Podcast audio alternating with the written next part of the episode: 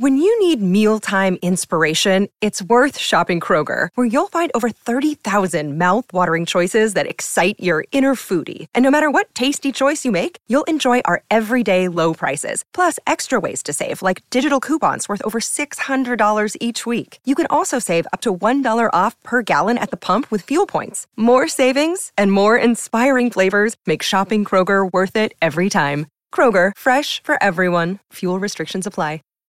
This is the story of the one. As a maintenance engineer, he hears things differently. To the untrained ear, everything on his shop floor might sound fine, but he can hear gears grinding or a belt slipping. So he steps in to fix the problem at hand before it gets out of hand. And he knows Granger's got the right product he needs to get the job done, which is music to his ears. Call, clickgranger.com, or just stop by. Granger, for the ones who get it done.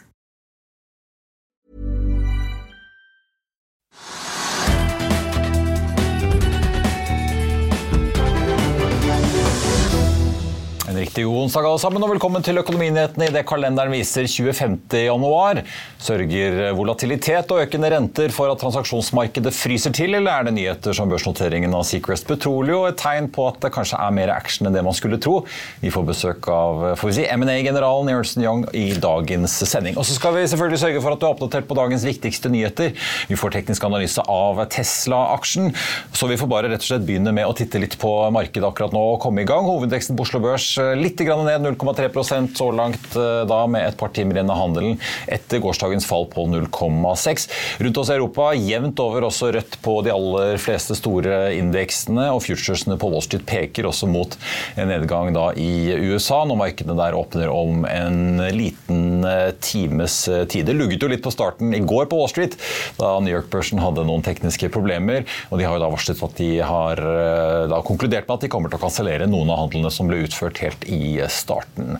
Dow Jones endte opp 0,31 i går, SMP 500 så vidt i minus, Nasdaq ned nesten 0,3. I Asia er fortsatt eh, mye stengt grunnet kinesisk eh, nyttår, men der det er handel, får vi si, har det pekt oppover da i morgentimene i dag, inkludert på Nikkei-indeksen i Japan. Nordsjøoljen og den amerikanske lettoljen holder fortsatt stand får vi si, godt opp på 80-tallet. Brentoljen likevel litt ned 0,1% i spotmarkedet nå til 86,40. Den amerikanske lettoljen da på 80,40 dollar nå. Vi må snakke om en flyaksje som stiger kraftig utenfor våre egne grenser og ser ut til å smitte litt over på de norske flyaksjene i dag, nemlig EasyJet. De er ute med en oppdatering på sitt avvikende regnskapsår, får vi si. Melder om eh, solid booking og at de regner med å levere bedre resultater enn det som har vært ventet i regnskapsåret 2023, som altså var 126 millioner pund i overskudd. I eh, det første kvartalet de har hatt så langt i regnskapsåret, så har da underskuddet blitt eh, redusert fra fra 213 til 133 millioner pund mot samme periode da i fjor. Og Oppdateringen fra EasyJet og uttalelsene fra ledelsen har sendt aksjen opp da 10% på London-børsen i dag ca. Norwegian eh, har tatt med seg halve farten. De ligger opp da 0, ja, rundt 5% opp. SAS opp 1,2 og Norse Atlantic har ligget opp rundt 4% Flyr ligger opp drøye prosenten. Når vi først er i luften, så får vi også ta med Boeing, som er ute med sine kvartalstall. Der økte inntektene i fjerde kvartal med 35% til nesten 20 milliarder dollar. Og eh, luftfartsgiganten kan da holdt jeg på å si glede seg over en inntektsvekst på 7% for året. Men det er fortsatt sånn at Boeing taper fortsatt av store summer. 663 millioner dollar i minus i kvartalet. Likevel langt bedre enn samme tid året før, at tapet endte på over 4 milliarder dollar. Konsernsjef Dave Calhoun sier at 2022 eh, ble et viktig år på veien til gjeninnhentingen for selskapet. Boeing har jo slitt i flere år. Først da med Max-flyene som måtte settes eh, på bakken, og så kom jo pandemien som rammet luftfarten hardt og brutalt. Og nå på vei ut igjen så har de jo da blitt rammet av store problemer med logistikk og leveransekjedene, som fortsatt preger resultatene til konsernet. Samtidig som vi ser en da dobling i inntektene og salget da fra sivil luftfart, så er det likevel mange kostnader som trekker bunnlinjen ned. Skana har sust opp over 30% på Oslo Børs i dag etter nyheten om at Equinor har tildelt eh, datterselskapet PSV Technology en treårig vedlikeholdskontrakt på Mongstad, verdt et par hundre millioner kroner årlig, og da totalt 1,8 milliarder over kontraktens løpetid med opsjoner. Gjensidige er en av dagens eh, stortapere, får vi si, i hvert fall blant de større aksjene på Oslo Børs, etter at de slapp sine tall. Forsikringskonsernet fikk et resultat for skatt på 1,69 milliarder kroner, under forventningen i forkant på 1,91. Til sammenligning leverte Gjensidige et resultat på samme tid i fjor på 2,85, så en ganske solid eh, nedgang. Gjensidige foreslår et utbytte på 8,25-aksjen, som også er under det analytikerne hadde ventet i forkant, på nesten 9,5 kroner. og Aksjen er da ned rundt 6 eh, i dag. Vil du bli oppdatert på det viktigste som har skjedd innen finans og næringsliv? Da er det bare å følge med, for hver morgen er jeg, Marius Lorentzen og aksjekommentator Karl Johan Malnes på plass i studio for å ta tempen på dagens marked i Børsmorgen. Og hver ettermiddag oppsummerer vi alt du trenger å vite i økonominyhetene, og det blir selvfølgelig masse interessante gjester. Klikk deg inn på fa.no-tv, eller søk opp Børsmorgen og Økonominyhetene der du hører på podkast.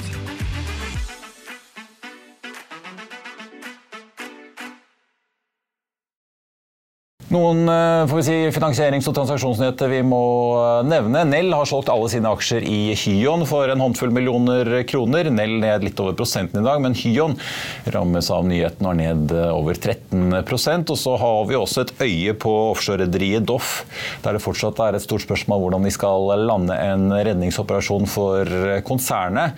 Mye bra fart i aksjen foreløpig i dag, i hvert fall, etter nyheten om en kontrakt med Petrobras for en ankerhåndterer til litt over 50 millioner dollar dollar. Det har sendt off aksjen opp en 4 I går kom nyheten om at uh, Bjarte Brøndmo ønsker å trekke seg fra styret. Doff-opprøreren, som han blir kalt, ønsker seg jo da inn i styret like før jul. Og så har PGS blitt tildelt en kontrakt innen havvind, som også blir PGS sin første innen det segmentet. Carnegie har jo vært ute og hevet kursmål på PGS i dag fra 12 til 14 kroner, gjentatt sin kjøpsanbefaling. Aksjen er eh, nå opp nesten prosenten til 7,90 midt også dagen før PGS både arrangerer kapitalmarkedsdag og kommer med kvartalsrapporten for fjerde kvartal. Bård Drilling er ned en 5 i dag, etter deres melding der de jekker opp guidingen både for 2022 og 2023 ganske kraftig. De melder også at de vil hente 400 millioner dollar i obligasjonsmarkedet for å refinansiere et konvertibelt lån som forfaller i mai på 350 millioner. Eh, hvis man spoler litt tilbake, så var det jo sånn da at Bård hentet 250 millioner dollar i en emisjon i fjor i august, da rettet mot amerikanske investorer, ikke for det norske markedet. Investeringsselskapet Oaktree har jo da solgt halvparten av sine aksjer i Hafnia, et salg som ble annonsert sent i går, og der bekreftelsen på salget kom i morges. De aksjene ble solgt til 50 kroner stykket, og aksjen er ned en 3% omtrent, da, til 50 kroner og noen øre i dag. Og etter salget så sitter Oaktree rett under flaggegrensen med en eierpost på 4,97. Og En siste nyhet som vi må ta med, er havvindserviceselskapet IVS, som eh, da har meldt om noe forsinkelser på leveransen av de to første skipene sine.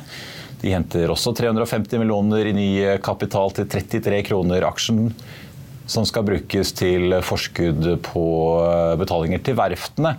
Og de skal da leveres til, og så har de bestilt to nye skip som skal leveres i 2025. Aksjen er ned en 4% i dag.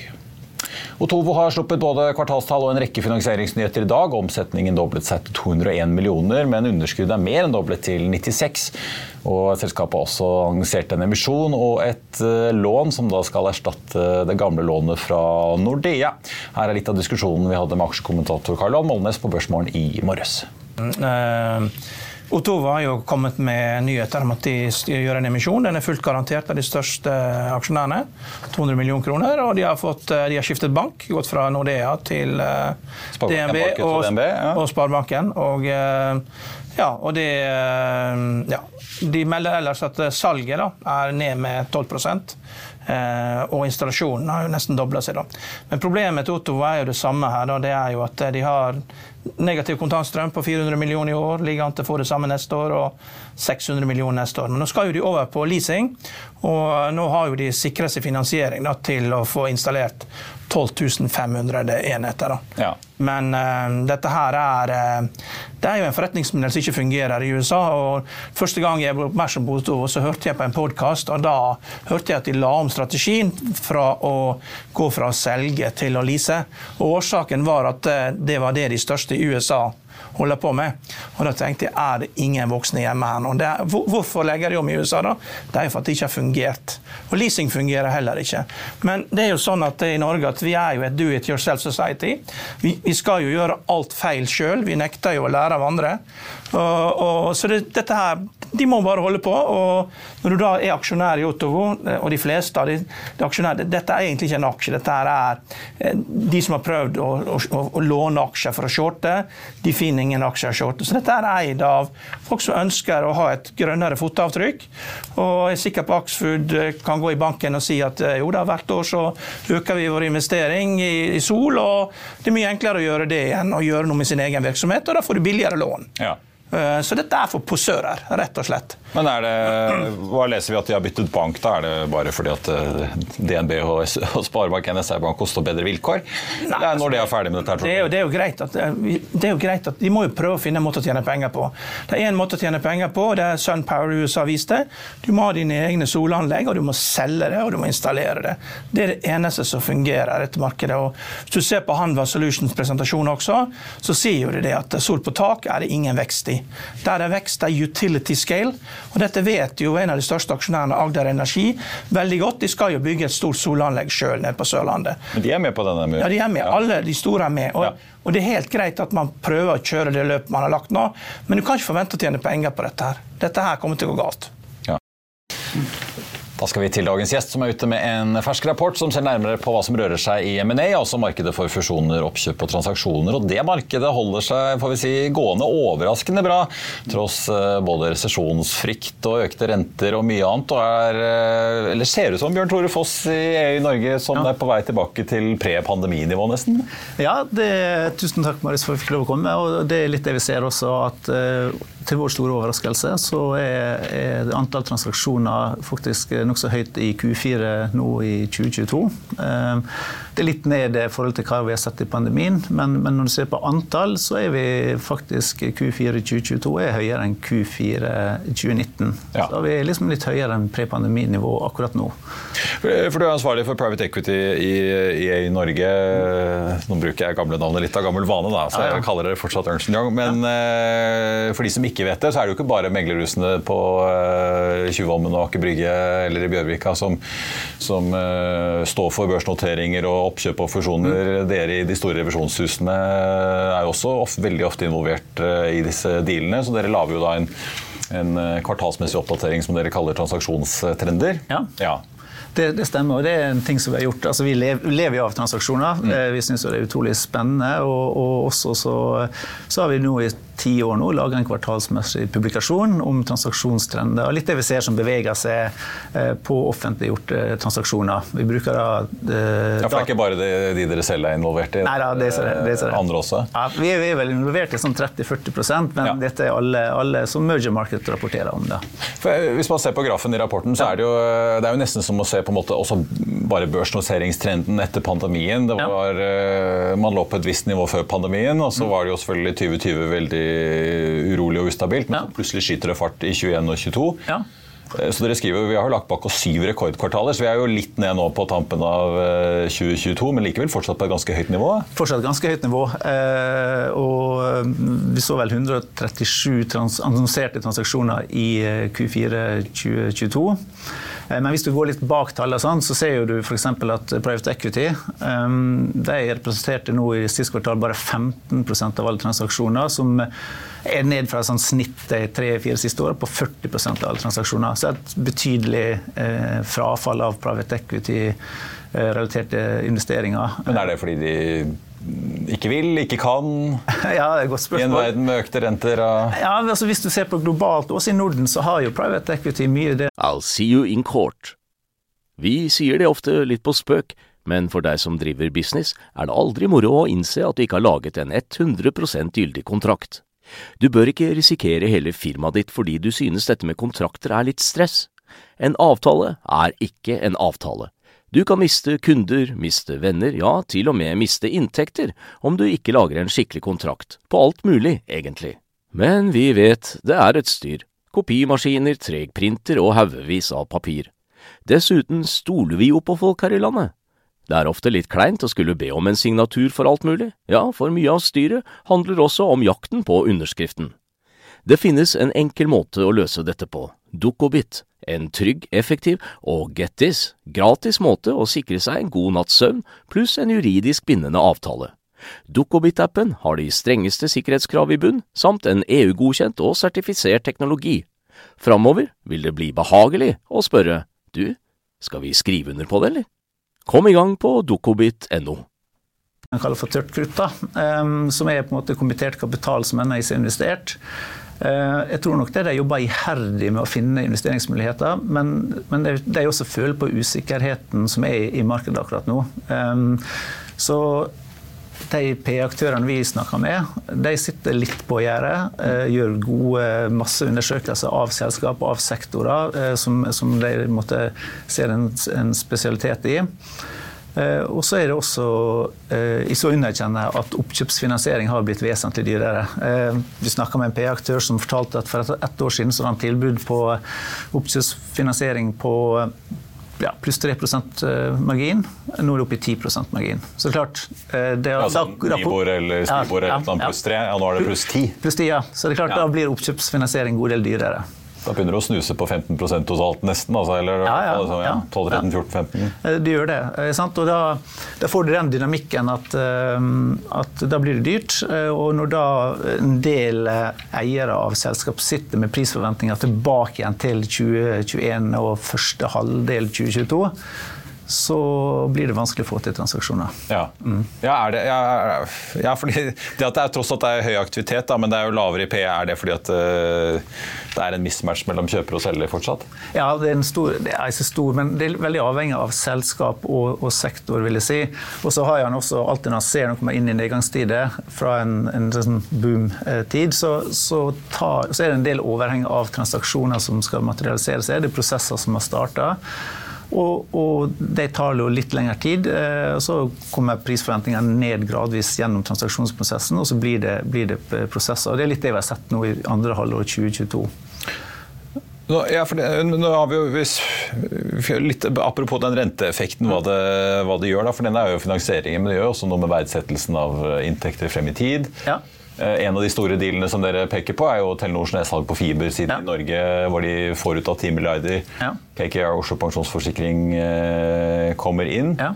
Eh, så så vi Telia her i forrige uke plutselig skrive ned sine verdier med nesten 20 milliarder svenske kroner. Ja. Eh, og viser til økte kapitalkostnader og økte renter. Så det, jo, det virker som det er veldig store svingninger her, selv for etablerte selskaper, i hva, hva ting liksom er, er verdt. Da. Ja, da, ja det, det, gjør det. Og, og, vi har også sett en trend med at industrielle ønsker å få inn private equity-investorer. Eh, en er jo for, som du sa, for Telenor å synliggjøre verdiene av det, det passive fibernettet som de da fikk med KKR Oslo Pensjonsforsikring med som, som, som co-investor.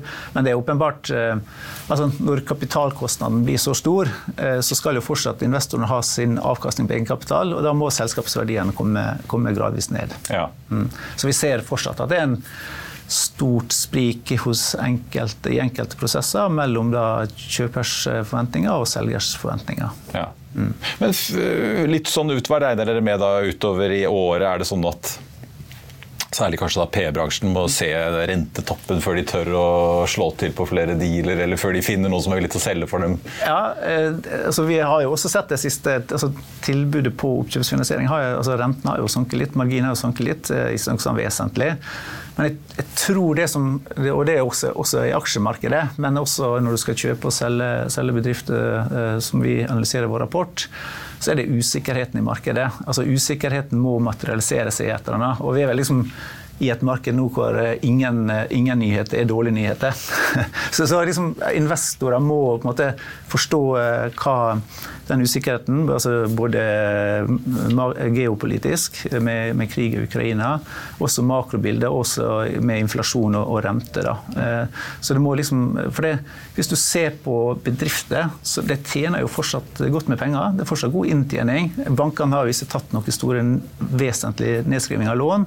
Og også hvis vi ser for, forbrukslånsbankene, som kanskje er en indikator på at, eh, hvordan forbrukersentimentet er, så er det fortsatt ingen store nedskrivninger der. Så det er liksom den usikkerheten det først og fremst sitter og føler på Um, I hvert fall når vi snakker med våre klienter. Ja. Mm. ja, Får se hva DNB kommer med i sin uh, kvartalsrapport. Vi har sett uh, litt uh, økende tapsavsetninger i de amerikanske ja. bankene som har sluppet tall foreløpig. i hvert fall. Ja, da, det, det, er litt sant, og kan si en indikator på kanskje, kanskje ting går litt tregere. Goldman Sachs annonserte jo at de skal si opp 3000 ansatte. Og så har jo Microsoft og um, og Google også annonsert det samme. I tidligere nedgangstider har de vel annonsert at de sier opp sånn ca. 10% av staben. Nå ser det ut som den nye normen er 6 da, så, så kanskje ikke Spotify lå også på 6 ja, ja, så, ja. ja så, så, kanskje ikke vi har så dystre tider foran oss likevel. Da. Ja, for det, jeg tenkte Da har vi jo fått denne uken her, eh, Skipsted eh, annonserer at de skal spare 500 millioner til Nord kutter 400 stillinger i Norge. Ja.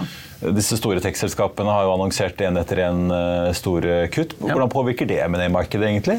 Eh, det, påvirker, det kan påvirke egentlig to veier. Det er jo at det er negativt. De blir mer restriktive med å gjøre transaksjoner. Altså Store globale og også norske selskap gjør veldig mye M&A-transaksjoner. Eh, men det kan også gjøre at du må optimalisere liksom kapitalen din. Du må kjøpe tilhørende teknologiselskap, tilhørende teknologi som gjør at du kan levere tjeneste eller produkt smartere. Eh, og så vil det også skape en del, eh, og det har vi sett også i tidligere nedgangstider, store selskap som eh, ja, Yara, Norsk Hydro sant, og også andre store, de vil i mye større grad fokusere på kjernevirksomhet, og vil også selge da, og forsøke å selge da, kanskje Spinnevirksomheter. Ja. Og, og, og, den type eiendeler, det liker private equity. Ja. Så, men, men, det er jo prosess. Ja, nå skal jeg til å si, Vi får se hva som skjer med Yara Clean Ammonia, da, som eh, ja, ja, de har luftet ideen om å kanskje børsnotere. Ja, ja, men, men, men det, dette er prosesser. Som, liksom, kjøper du aksjer, så får du aksjene disse ene dagen. Dette er prosesser som tar lang tid å materialisere seg. Ja, for jeg husker jo Kristin Skogelund på, det var jo da, da hun la frem tallene for tredje kvartal i høst, så var hun jo ganske åpen på at Skipsted som medieteknologikonsern, det var vanskeligere å kunne forsvare investeringer nå overfor investorer med økende renter og, ja, ja. og på en måte avkastningskrav som strammer seg til og risikovilje som går ned. Ja, ja. Det er det, men sant, igjen, det handler veldig, veldig mye om pris. Ja. Eh, ta litt om de andre dealene vi har sett. Da, for Det virker som det har vært et ganske bredt spekter. Eh, I hvert fall på børs har vi liksom, Dere nevner jo SalMars oppkjøp av NTS. Ja. Vi har hatt liksom Seadrills fusjon med gamle Seadrill Partners, eh, som nå bytter navn til Aquadrill. Ja, ja. Var dette Telenor som vi snakket om. Eh, Aker Solutions og, deres Subsea 7 og ja. Schlumberger-deal fra i fjor eh, sommer. Mm. Eh, er det noen liksom, røde tråder, eller er det, er det noen sektorer det er mer fart i enn andre? Altså, vi har jo sett at innenfor energi der er jo, det er så mange transaksjoner, men vi har sett at, eh, at det har vært en liten økning i, innenfor energi. Da. Eh, det er alt fra, fra oljefelt til oljeserviceselskap til også eh, energi, altså ren energiselskap, og kanskje en del innenfor fornybar energi. Vindparker f.eks. har vært av interesse. Eh, men så ser vi også det, hvis vi går liksom veldig ned i tallene, så ser vi at selskap som eh, Håndverkgruppen, som er i FSN Capital, de har jo gjort mange oppkjøp, og har også fortsatt eh, oppkjøp av små håndverkerbedrifter både i Norge, Sverige og Danmark gjennom hele egentlig 2022. Og så ser vi også Visma gjør jo fortsatt en del oppkjøp. Da. Kanskje ikke like mye som tidligere, men, men Visma er, liksom, det er en del sånne aktører som, som, som, nå også benytter muligheten til å gjøre mindre oppkjøp. Altså, det er ikke rolig hos alle private equity-aktørene? da? Nei da, nei, da det, det, er jo ikke det. Det er, ikke det. Det, er helt riktig. Det er så rolig hos alle. Nei. Ja, og Så får vi se når det eh, eventuelt blir noen børsnotering ja. av, eh, av, uh, Visma.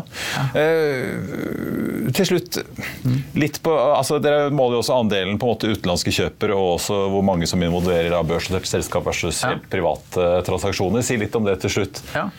Utviklingen i utlendingstransaksjoner, hvis vi kan begynne med det? da. Ja, ja, ja.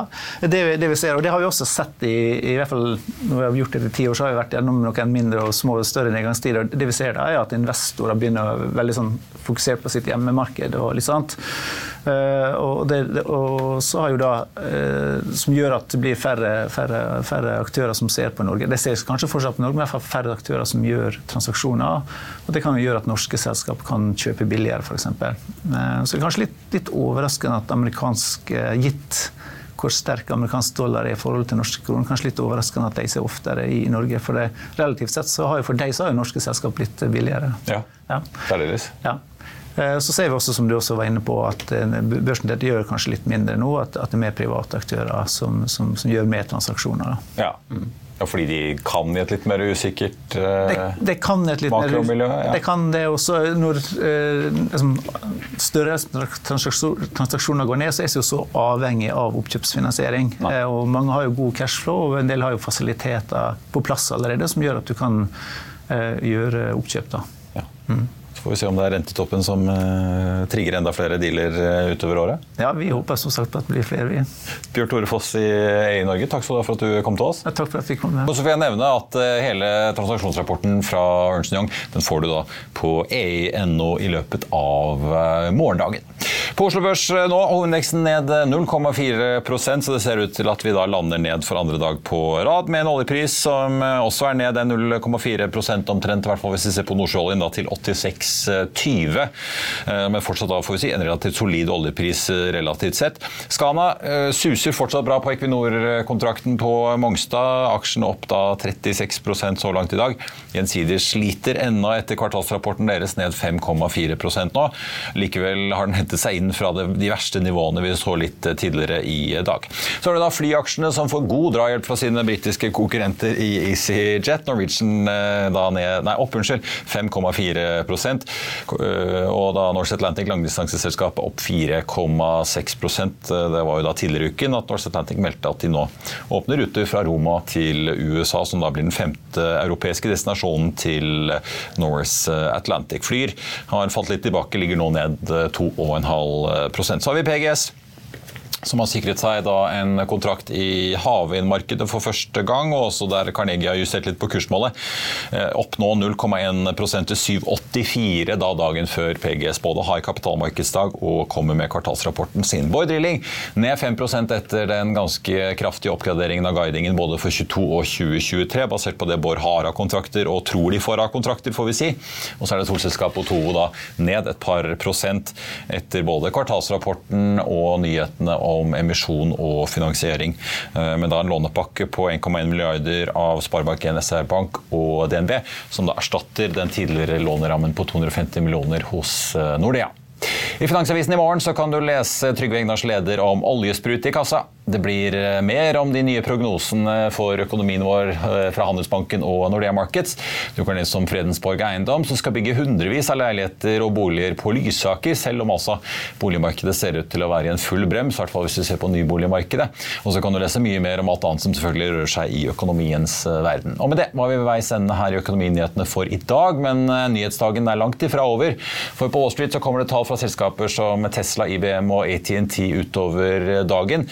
De viktigste nyhetene får du selvfølgelig fortløpende på fa.no. Og på Børsmorgen 08.55 i morgen så skal vi også oppsummere de viktigste nyhetene for deg. Og ikke minst da snakke om tallene fra Telia og PGS som altså kommer i morgen tidlig. Økonominyhetene er tilbake igjen 14.30 i morgen med Norsk Industris Knut Sunde og Nordeas sjeføkonom Kjetil Olsen, som begge altså er ute med nye konjunkturrapporter og prognoser. Og, skal, og skal vi i hvert fall tro en av dem, så blir renteutviklingen fremover higher for longer, kan jeg vel si. Mitt navn er Marius Lorentzen. Tusen takk for at du var med oss. Eh, og så håper jeg da vi ses eller høres igjen i morgen.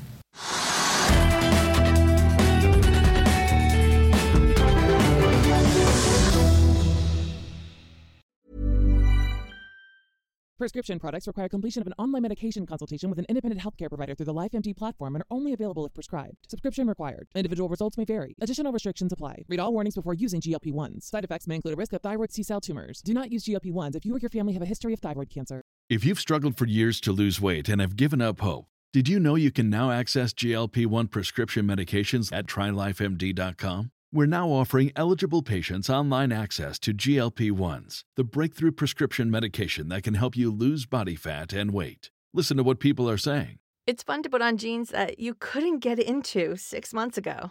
Every morning, I look forward to getting on the scale For anybody who's struggling with their weight, it's a godsend. And here's the best part your insurance may cover 100% of the cost of your medication. So go to trylifemd.com to have your eligibility checked right now. Get started today at trylifemd.com. That's T R Y L I F E M D.com. Økonominyhetene er en podkast fra Finansavisen. Programledere er Marius Lorentzen, Stein Ove Haugen og Benedikte Storm Bamvik. Produsenter er Lars Brenden Skram og Bashar Johar. Og ansvarlig redaktør er Trygve Hegnar.